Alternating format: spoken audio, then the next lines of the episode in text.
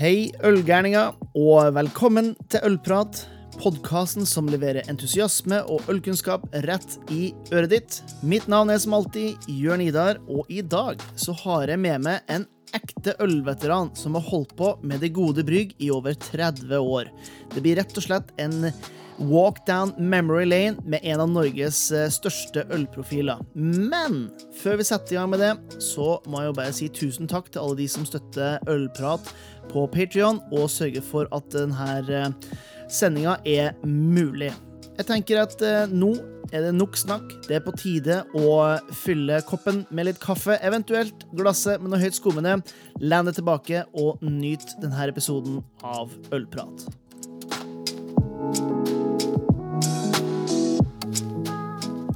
Da ønsker vi dagens gjest velkommen. Dette er en eh, herremann som har publisert tre ølbøker. Han har holdt ølsmaking i badetøy og spilt ompamusikk på øleventer til lands og til vanns over hele Norge. Han er en mann som er kjent som eh, tar ikke seg sjøl så seriøst, men han tar formidlingen av øl veldig seriøst, noe han har gjort helt siden jeg var tre år gammel, altså i 1989. Så han, eh, han har gjort det her en god stund. Vi snakker selvfølgelig om en mann som er forfatter, en skribent, musiker og kanskje viktigst av alt, en drammenser. Velkommen til Ølprat, Gustav Jørgensen. Takk for det. Det er litt hyggelig at du vil ha meg her. ja, men selvfølgelig. Det, det er jo en, eh, en herremann av, av ølkaliber, tør jeg å påstå jeg har med meg i dag. Du har gjort det her eh, lenge, altså?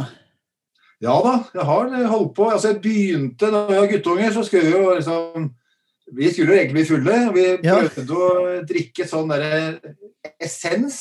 Mm. og syns vi ble blanke, blanke øya. Det blei vi ikke. Det var ikke alkohol i det. det essens. Men så kom pilsen, og så var det jo liksom litt godt, det. Og så, ja. så etter hvert så oppdaga jeg at dette ølet har jo en historie, og det er en kultur bak det. Mm. Ja, og, og så begynte det å bli interessant. Ja, ja, ikke sant? Og du har jo vært en, eh, en formidler av, av, ølkultur eh, som sagt veldig lenge. Du, sånn som jeg har forstått det, så første gangen du ble publisert, eh, var i, i det, her, det, gamle vinmagasinet Rødt og Hvitt. Og det var jo tilbake i 1989, om jeg har forstått det rett? Ja, det kan nok stemme. Mm. Jeg lagde en hel serie som jeg først sendte, prøvde å få inn i Vi menn. Det fikk jeg ikke da. Men så kom rødt og hvitt, og da når jeg var på ferie, så kombinerte vi da ølinteressen med at vi kjørte bil gjennom Europa. Mm. Og så besøkte jeg ølhistoriske steder. Ja. Hvilke steder var du innom da? Hva da? Hvilke steder var du innom eh, på en sånn tur? Ja, på Einbeck var det Praha, Bamberg, eh, Köln, Düsseldorf. Mm. Det begynte med de tyske byene, faktisk. Ja. Um, og så bredde det seg utover etter hvert. Det ble jo etter hvert en dyr ferie for at du kjører bil i Europa. Det er bedre å fly ned, altså. Ja, det, det kan... Men på den tiden så fikk man jo ikke den type øl i Norge. Nei. Så, så det var jo veldig eksotisk.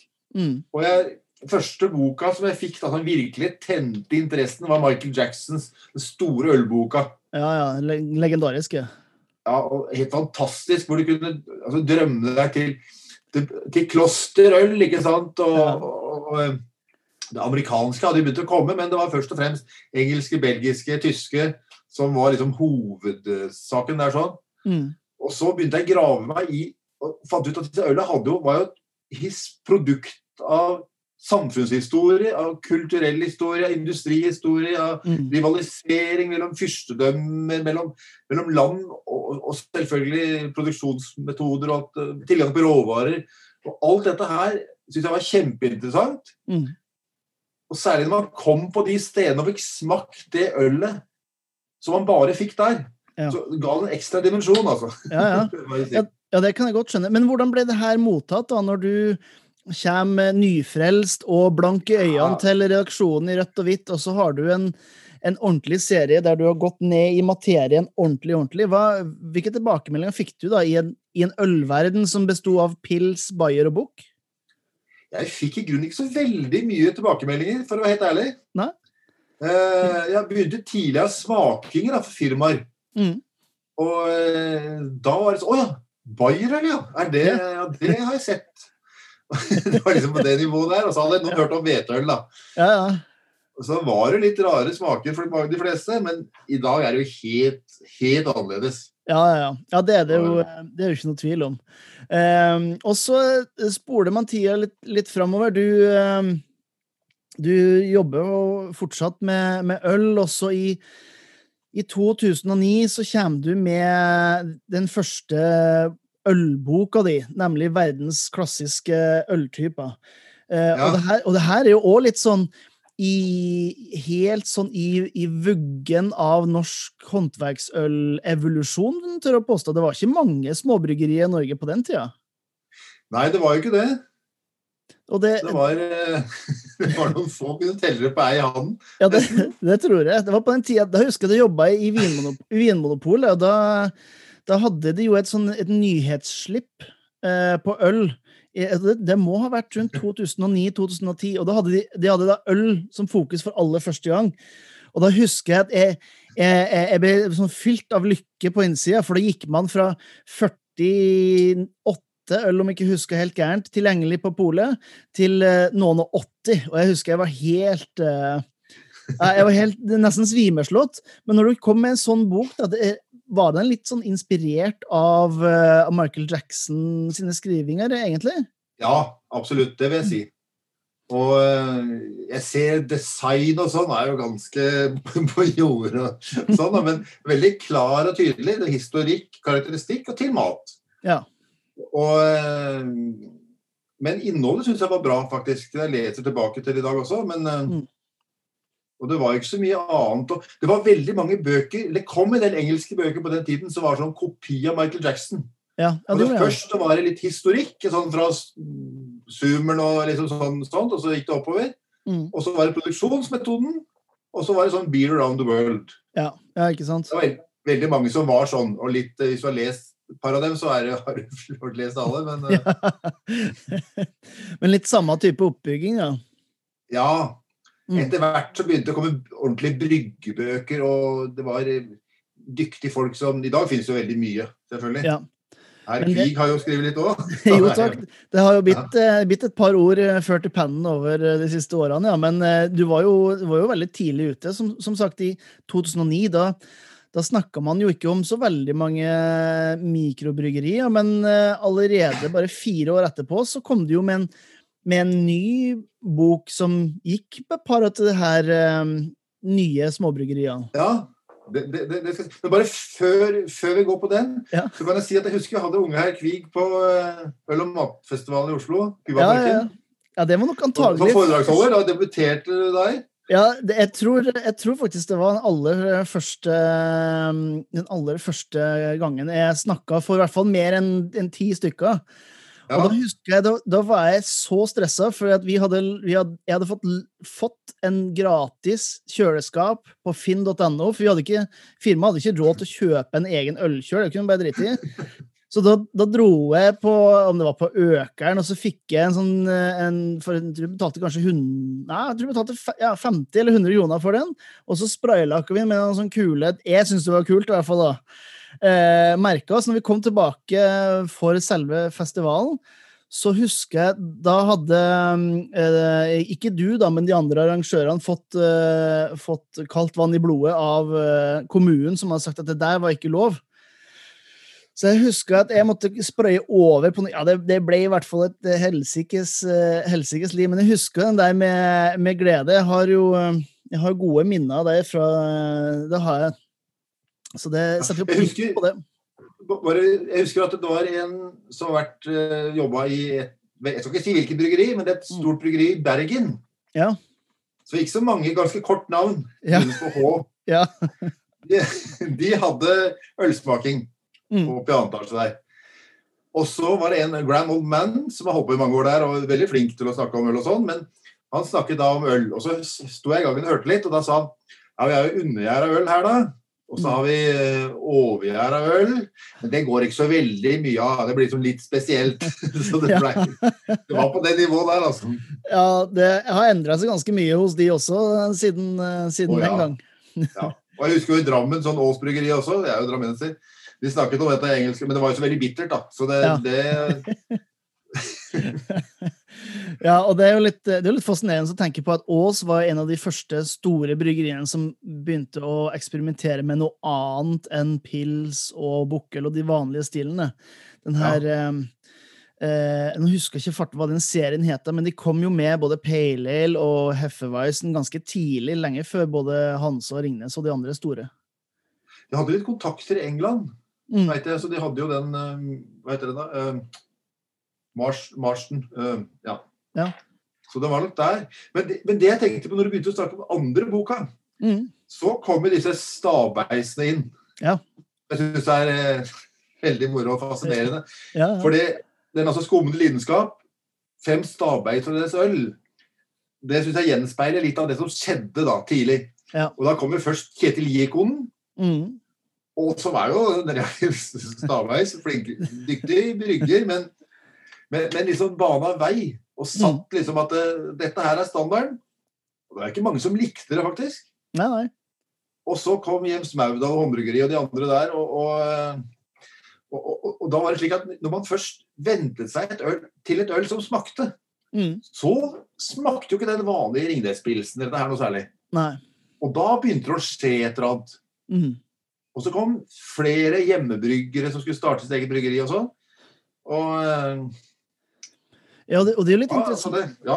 det, er jo litt interessant, for da hadde du jo på en måte gått fra, fra i din start da, til å observere andre sin ølkultur og, og evolusjon med denne uh, turene dine i, i, feriebilen, til å egentlig bli en, nesten en del av utviklinga i den norske ølkulturen sjøl. Ja, absolutt. Hvordan... Og, det var jo, Vi fikk jo masse venner. Jeg husker det første forumet på Facebook med venner av Nøkne Ø. Ja, ja, ja. Erik Dahl og gutta der. og Der var det veldig spennende. Og det var et veldig sånn kollegialt forhold, altså.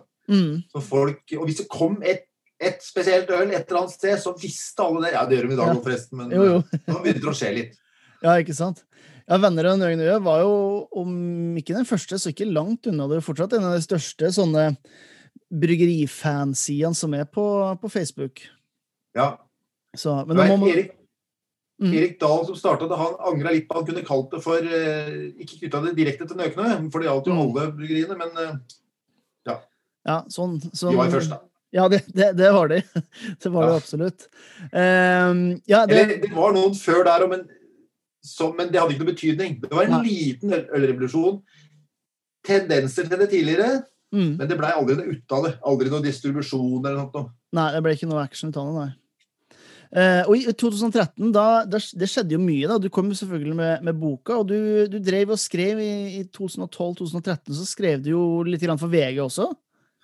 Ja, det, det syns jeg var veldig spennende. Og jeg jobba ganske mye med det, altså. Ja. Sånn, eh, selv om det var ikke så mye tekst, men det var jo tre kvart side hver fredag. Ja. Så jeg syns det var veldig synd at de slutta med det. Men selvfølgelig, de skal spare penger. Det var det som var begrunnelsen. så det... Ja, og jeg må jo si at det er jo sjelden at det har vært et ølprosjekt i Norge som jeg har vært vitne til, der det har vært så mange som har heia på det, som, eh, som akkurat den skrivinga du gjorde i, i VG. Og jeg, jeg, jeg, jeg, søkte bare kjapt på det, eh, og så datt det over eh, Jeg, publiserte nemlig et brev jeg sendte til VG på Ølportalen. Det gjorde jeg etter at, etter at du ble fjerna derifra. Uh, og jeg skal, ikke, jeg skal, ikke, ramse opp alt, da, men det var et brev jeg sendte 9. mai 2013 til VG, der jeg uttrykte en ganske klar skuffelse over at de hadde stoppa, stoppa, den gode jobben som de gjorde. Men så skal jeg ta et lite sitat her. Og det, jeg, syns, jeg, håper du, jeg håper ikke tar det personlig. Ja. og der har jeg skrevet Jeg kjenner Gustav Jørgensen litt fra før gjennom min jobb som ølimportør.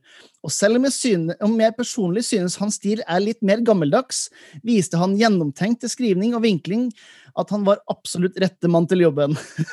ja, men det husker jeg faktisk. ja. Men, men, eh, Og til mitt eh, unge forsvar må jeg jo si det at eh, jeg var jo nærmest nyfrelst på det tidspunktet der. Hadde bare, du hadde gjort det i Du hadde en helt annen kontekst rundt øl enn det jeg hadde. så jeg, men jeg husker jeg, jeg begynte å kjøpe VG utelukkende pga. den artikkelen som du skrev der, på fredagene. da. Jeg kjøpte ikke ja, Takk for det. Altså, klart, hvis jeg tenker på VGs lesere, så er jo ikke de ølnerdene Nei. Altså, det er vanlige folk. Eller alle er jo vanlige folk, for så vidt, men, men så, så, det handler liksom om å pirre interessen til folk, da. Ja. Og det Ja, det, og det, det tror jeg du gjorde der på en veldig god måte. For at eh, de, det du skrev der, var veldig, det var veldig bra skrevet. Og det er det man trenger. Man trenger liksom ikke det mest eh, ja, sånn Ja, altså det- det, det jeg prøvde, var å finne et tema hver gang. Så det var 8. mars, så var det selvfølgelig kvinner og øl. Mm. og sånn, og så var det jo til forskjellige ja, hvis for, Når fårikålen var, så måtte jeg ha øl som passet til fårikål, selvfølgelig. Også, Ja. Men lage et tema, det syns jeg var viktig. Men i dag hadde det vært mye lettere, altså. Ja, det det, mye, eller kanskje vanskeligere, for det er så mye, å- mye man kan velge. Så det er alltid noen blir sure hvis man ikke tar med dems øl. da. ja, ja, ja. Og det er litt tilfeldig, selvfølgelig. Og det er jo så mange øl som er på polet i dag, eller på de andre butikkene. Uh, Gulating eller Meny eller uh, lokalbrygg, det kanskje. Også, Ja, ja, det, der er også litt. Ja, at, at man her Og man kan ikke få smake på alt. Det er et problem, altså. Nei, det, det har du egentlig rett i. Og det, det kan jeg faktisk skyte inn. Jeg har fått et, et lytterspørsmål fra eh, en Patrion-støtter som heter Fredrik. Og det han lurer på, rett og slett, det er hva er, hva er ditt sånn go to-øl? Altså når du Ikke nødvendigvis når du skal ha en øl, men hvis du skal ha en øl som du alltid vet at du kommer til å sette pris på, hva, hva, drar, hva drar du med deg, da? Altså Hvis jeg er på et sted som har et lite ølutvalg, Mm. så ta, kjøper jeg kanskje en vanlig pils. Men da blir jeg som regel skuffa. Pils er det ølet jeg er mest kritisk til. Selv om jeg elsker en ordentlig pils eller en, en ordentlig pils. Synes jeg er godt. Ja. Men, men da blir det kanskje en leffe brun eller blond, eller noe, for det er jo kanskje det mest dristige de har. Men Mm. ellers så er det jo altså Mine favorittstil er egentlig Odd Brun. Eh, Ja. Lambic er jeg veldig glad i.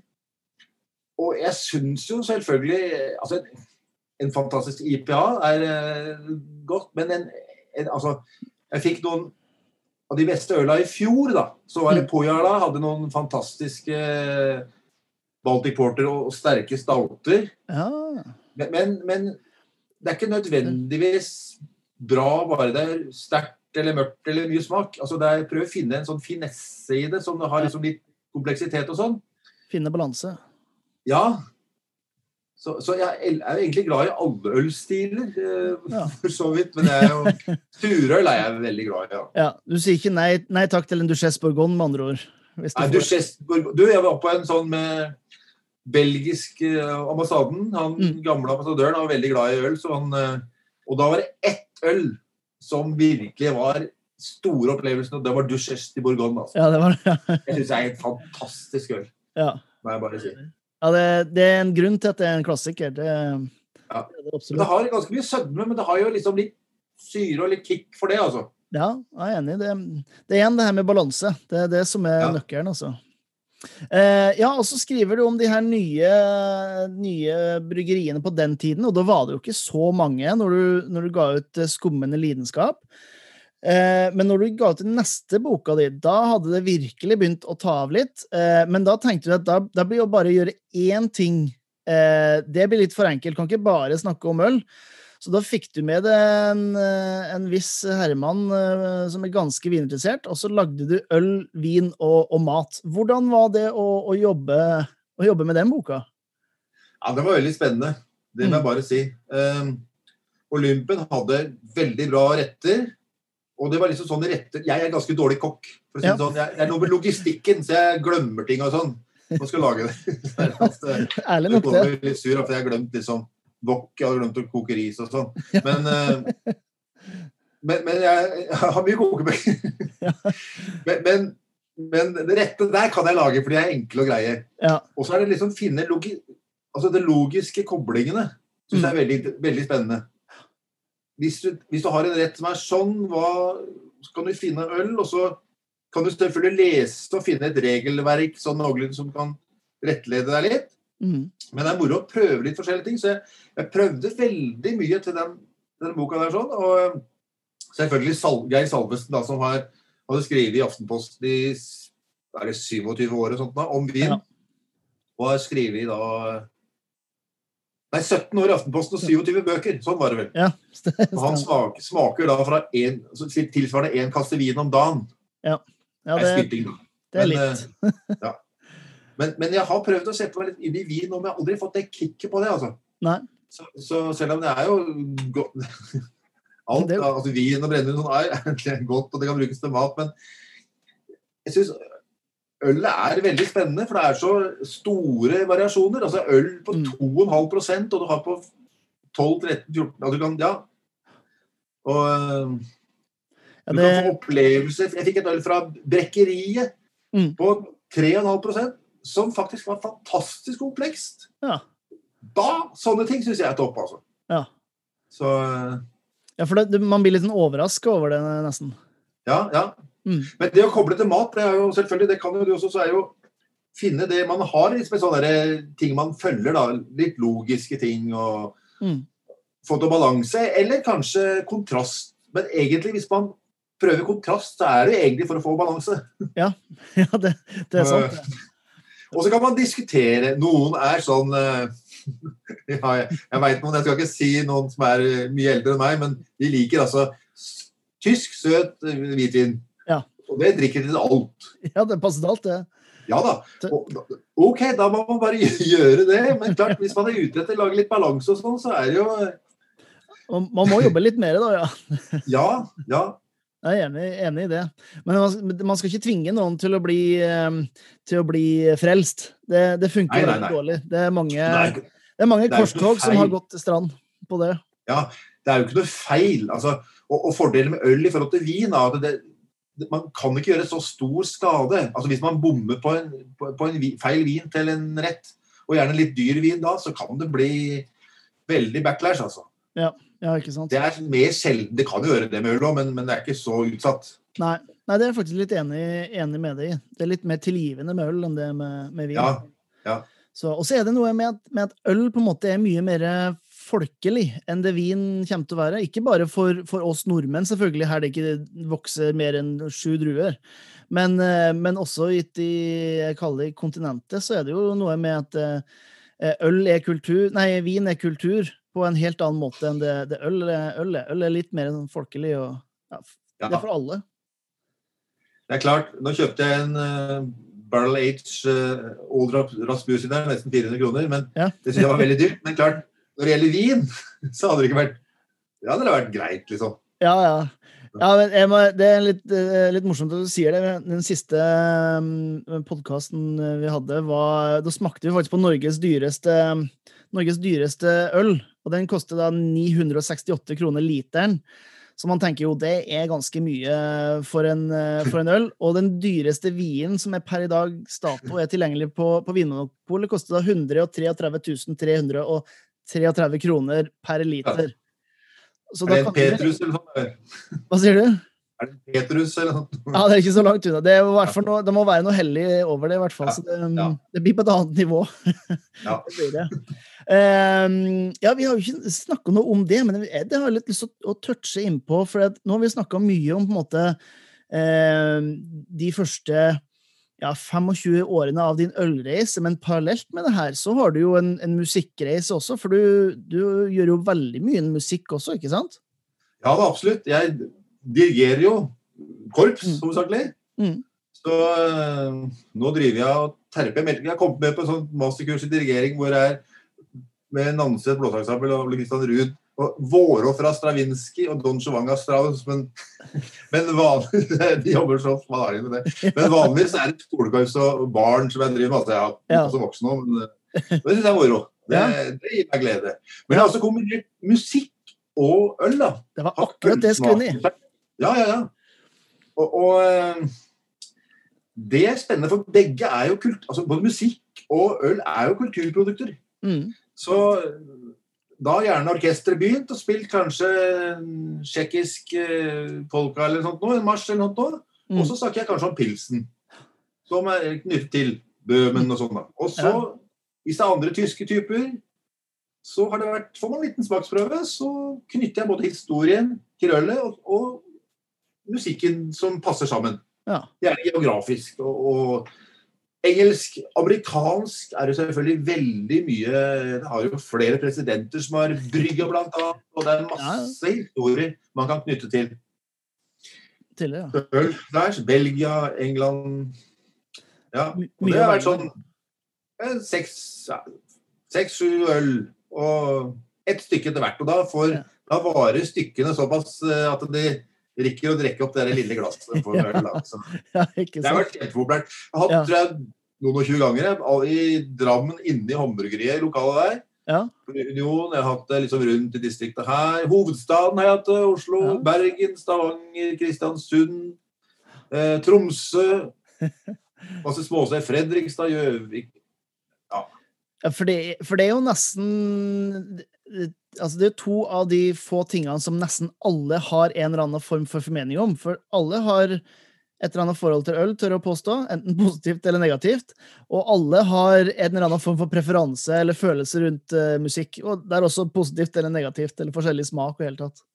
Ja, jeg har gjerne tatt sånn lett klassisk. har jeg brukt veldig mye. Jeg har hatt det med rockeband òg, men det blir litt mer likt, da. Ja, Men, eh, og jeg kan gjerne begynne med litt sånn polkaaktig sånn, men det er liksom ikke ompa. Det er ikke det som er saken. Nei. Så eh, Nei, men det, det må faktisk innrømme. eh, Det er en av de tingene jeg angrer litt på at jeg ikke fikk, eh, jeg fikk oppleve mens du holdt på som verst, om man kan si det, med masse konserter. At jeg fikk eh, anledning til det. Og nå, nå er det jo antagelig ikke så mye musikkjobbing for deg i det hele tatt, med de her eh, koronatidene som er inne. Men jeg ser jo at du har gjort eh, Du har ikke ligget på latsida likevel, for ganske kjapt etter at vi, ingen av oss fikk lov til å gå ut eller treffe andre folk eller dirigere eller snakke om øl eller noen ting, så starta du en eh, Facebook-serie som heter Verdens klassiske øltyper.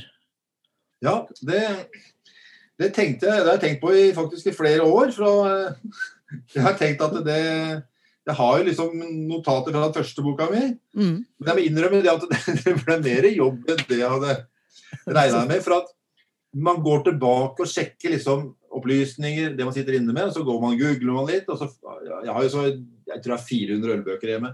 Mm. Og det er mye som ikke stemmer. Det er en del sånn Altså, bryggeriene forteller gjerne sin historie, da. Ja. Som er fordelaktig for dem. Og det er ikke sikkert Og det, dette er jo ikke en historie som er absolutt. Nei. Den er ganske Nei. sånn Som regel er det ikke sånn at Oi! Dato 3. august eh, 19, eller så var det han som gjorde det, og da ble det sånn. Ja. Som regel er det litt mer fløkt enn det, altså. Ja, det, jeg, jeg, jeg hørte en, en podkastepisode fra Good Bear Hunting som gikk gjennom historien til pils. Hvordan de, de sier eh, De snakker om hvor pils jo egentlig er en tysk stil, men som ble forfina i Tsjekkia, og så har tsjekkerne vært mye flinkere til å gjøre det til deres eh, greie, til tross for det at eh, pilsen Rukel, da, som er regna som den originale pilsen, hadde tysk bryggmester i over 70 år før de tør, turte å putte inn en tsjekkier som bryggmester. Og, og det jeg trodde lenge, var det at det første undergjæra øl var pilsen Urkel. Mm. Men det var 20% av ølene i Tsjekkia var unngjæra. Og Vanka-bryggeriet, som var et stort bryggeri i Praha, dem hadde også undergjæra øl. Ja. Så det var ikke det, men klart den forfina det. Da ble det nok eh, lysere og Det skilte seg nok ut, det tror Ja. jeg. Ja, det tror jeg også. Men de- headhunta han Josef Groll, da, som, eh, som var liksom den første. Ja. Som heller han som fikk ære for dette her. Så eh, Han gjorde en god jobb, han. ja da, også historier som at det var en munk som smugla en gjær og sånn, men det fins papirer på at det var kjøpt i en gjær på vanlig måte. og det, Ja. det er det. Men det er litt mer romantisk å si at det var en munk som smugla det inn, da, enn at de har kjøpt det på lovlig vis. Ja, og så er det jo selvfølgelig at når Pilsner Kell ble jo det største der, bryggeriet, Mm. og, og da er det dem som fikk eh, liksom eh, eide historien. Ja, ja. Så det lå nok litt der også. Ikke sant? Men kan du ikke si litt om eh, hva verdens klassiske øltyper er for noe? da? Den fins jo både, Ja, altså- på, både på YouTube og på, på Facebook. Ja, altså jeg har satsa mest på, altså på Facebook, for jeg lurte på hva, hvordan jeg skal gjøre dette her sånn. Og så fant jeg ut at for å få mest treff, så er det Facebook. Mm. Så jeg sendte ut hei og hilsen til alle, alle og enhver. Mm. Ikke kongen, da, men Sonja heller, men eh, veldig mange andre.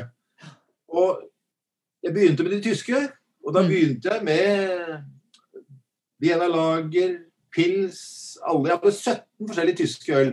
Og da snakker jeg først Jeg har gått tilbake til historien Mm. og snakket litt om sånn åssen det var på 1700-tallet, eller når dette her oppsto. Mm. Og så har jeg tatt det videre, og så har jeg snakka litt om hvordan ølet er i dag.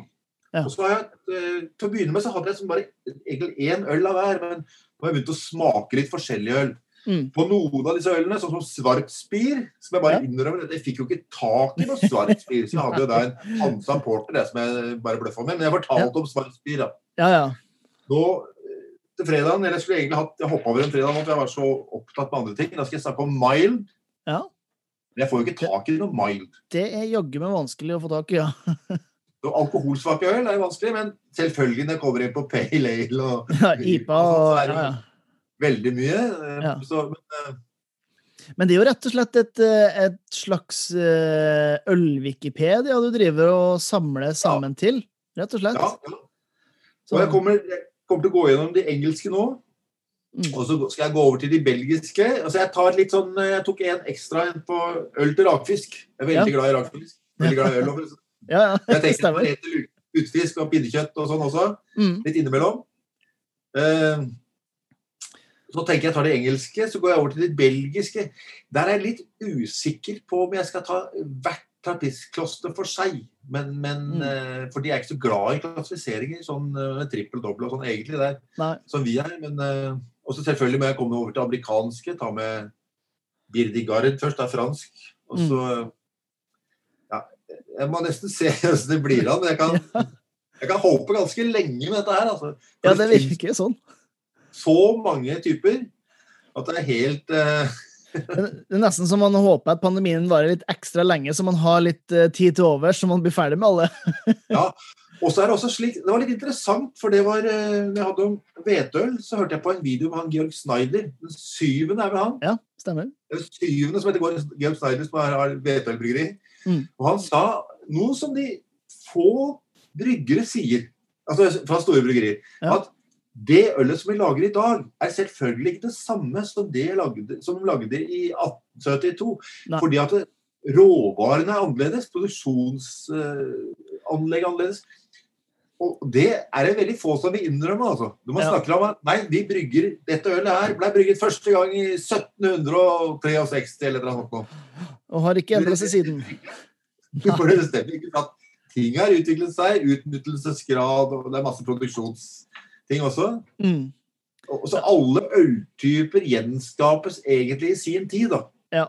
Ja, men det, det er et veldig godt poeng. Det, det er lett for folk å glemme av det. Og Ja. som du sier, kanskje vanskelig for, for bryggere å innrømme også. Ja, ja. Man tror kanskje at glanstiden for Porter var i, altså på 1700-tallet. Selvfølgelig salgsmessig så var det jo det. Ja, ja. Men jeg er sikker på at de, de ølene vi får i dag, er antageligvis mye bedre enn de som de var tidligere. ja det, det tror jaggu meg også. det Ja. tror jeg. Og som jeg Eh, sier at alt øl til sin tid, da. Mm. Og det er jo altså det er fordeler med jeg kan li altså, så Jeg er veldig skeptisk, altså jeg er veldig kritisk til pils, men, men der må jeg si at det, der er faktisk de store bryggeriene en fordel. Ja, det er sant. mulighetene, men, men, men klart de små har en muligheten til å leike på en helt annen måte. Mm. For, altså De store bryggene har sine store tanker, og hvis de skal gjøre noe, så liksom må de investere, det koster så og så mye der og sånn, men et mikrobryggeri eller kraftbryggeri, de kan lage en, en batch, og hvis den ikke er hvis den er litt rar, så kan du bare kalle den et eller annet rart, Ja. og så blir det den batchen, og så blir det kanskje et øl som blir høyt Ja. Ja, det, det er helt sant. Det. Det, det man tenker på en mandag, kan eh, på et lite bryggeri brygges på en eh, onsdag, mens eh, på et stort bryggeri så kan det tenkes i januar og kanskje eh, produseres januar neste år. Så det er helt andre horisonter og måter å tenke på enn en småbryggeri. Ja. Ja, og, og der diskuterer man som på møter om man skal ha litt mindre diacetyl, eller man skal ha sånn og sånn, og Ja. lite grann, og, og En helt annen, helt annen verden.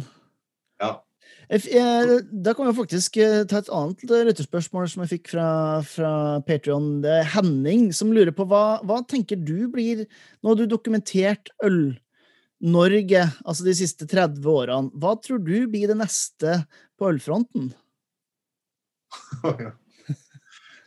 Altså, jeg var eh, Hvis man snakker om surøl, da, så var jeg på en eh, Det var et eller annet på håndbryggeri, og så var det han Ragnar som er liksom surølmannen der, Mm. som, eh, som hadde overbevisning og sier at ja, dette her er det som er inn nå, da.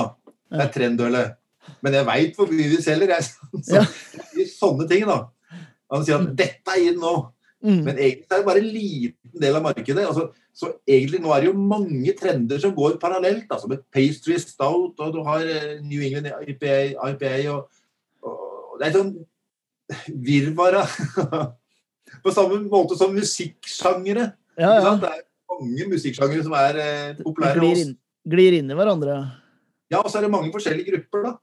Men hva som blir det beste Altså, jeg, altså veldig mye av ølets utvikling har jo med, med altså skatter og avgifter på øl og sånn å gjøre.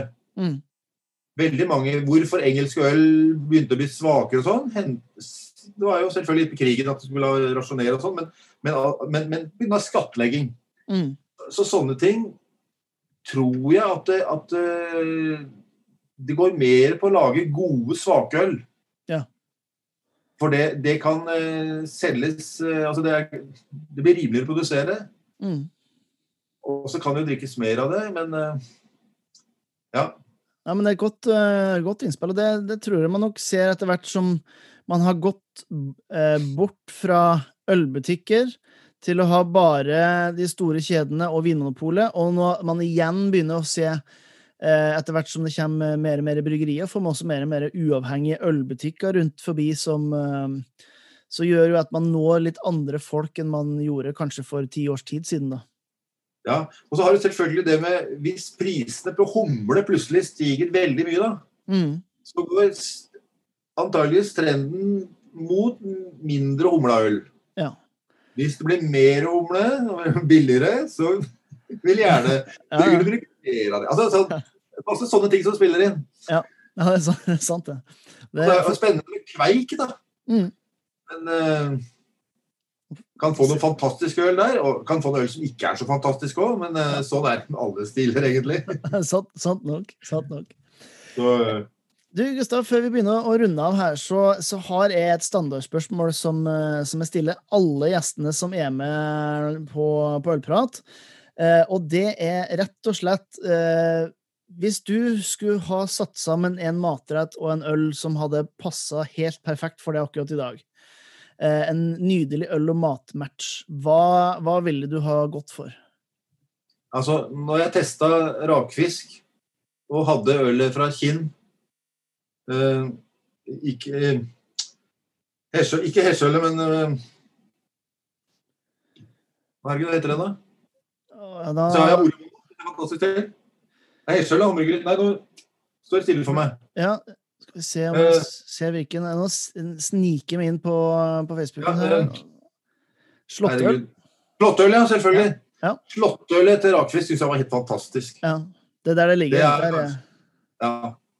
Jeg syns Orvald også var veldig bra, men, men Slåttøl det, var, det var en kjempematch, altså. Men da, eh, da, da sier jeg takk for tilbudet for min del, for at jeg kan ikke for, fordra rakfisk. Jeg, kan, jeg kan ta slåttølen, om ikke, om ikke annet. Men det er i hvert fall en, en solid eh, anbefaling der med, med litt rakfisk og, og slåttøl. Ja, ja. Nei, men, Så, men så har jeg jo flere kombinasjoner som jeg syns er eh, Som er gode. Ja, men da, da, blir, det, da blir vi sittende. forbi en, forbi en ny, uh, får en ny podkastepisode en annen gang, der vi, der vi går litt gjennom det, tror jeg kanskje. Jeg tenkte på, Når jeg skal begynne på pinnekjøtt nå, så har jeg en, eh, en sånn eh, Exlengerca Weissbier. Mm. Den tror jeg skal gå til i hvert fall røkt pinnekjøtt. Ja, ja, men jeg tror, du, jeg tror nok har rett, det. Ja. Marsen der også kan jeg se for meg passer godt til, med litt sånn Ja, sødme og krapp og i hele tatt. Så um, øl og mat, altså, det er, det er deilig. Eller kan man gjøre det enkelt? Da tar man bare litt pepperkaker og blåmuggost. Skal ta gjerne Selbu blå, den er helt grei. Og Mm. Chimay blå. Det er, eh, Det, er ikke, det høres heller ikke helt feil ut, nei. Nei, men Veldig bra, Gustav. Da, eh, da sier jeg takk for at du tok deg litt tid. Alle dere som hører på, bør definitivt gå inn på Facebook og eh, søke opp verdens klassiske øltype, eller eh, facebook.com slash gustavjorgensen.no. Der finner dere det særdeles engasjerte fjeset til, til Gustav. Fordeler masse deilig ølkunnskap ut til folket. Altså, igjen, Gustav, tusen takk for at du tok deg tid. han ligger på YouTube òg, men det er ikke så mange treff der, altså. Nei, men du finner det, Bare søke verdens klassiske øltyper, så finner man eh, Gustav i, i monitor. Det deler. Da, da sier jeg tusen takk, Gustav, for at du eh, tok deg tid, og så ser jeg fram til neste øl vi kan ta sammen. Ja, takk for at jeg fikk være gjest. Og jeg savner jo festivalene nå. Ja. Nå må det snart være festival, for vi har smakt litt rundt også. Ja, Få prata litt med gode folk og i hele tatt. Ja. Nei, men Bra, Gustav. Da sier jeg tusen takk for praten. Takk for det. Ha det. Takk til Gustav for en kanonmorsom og lærerik ølprat, og ikke minst takk til dere ølgærninger som fortsetter å høre på Ølprat. Om du liker det du hører, så finner du flere episoder klar i spilleren din. Oppskrifter og artikler kan du finne på høytskum.com, og hvis du er interessert i ølvlogger og den slags med mitt blide åsyn, så finner du det på YouTube-sida mi. Om du har lyst til å bidra for å få til mer godt innhold fra Øl-Norge, så kan du òg sjekke ut patrion.com slash ollprat og gi en liten kronasje for den jobben jeg prøver å gjøre for, for en øl, rett og slett. Og så får du huske til neste gang at livet er for kort til å drikke dårlig øl.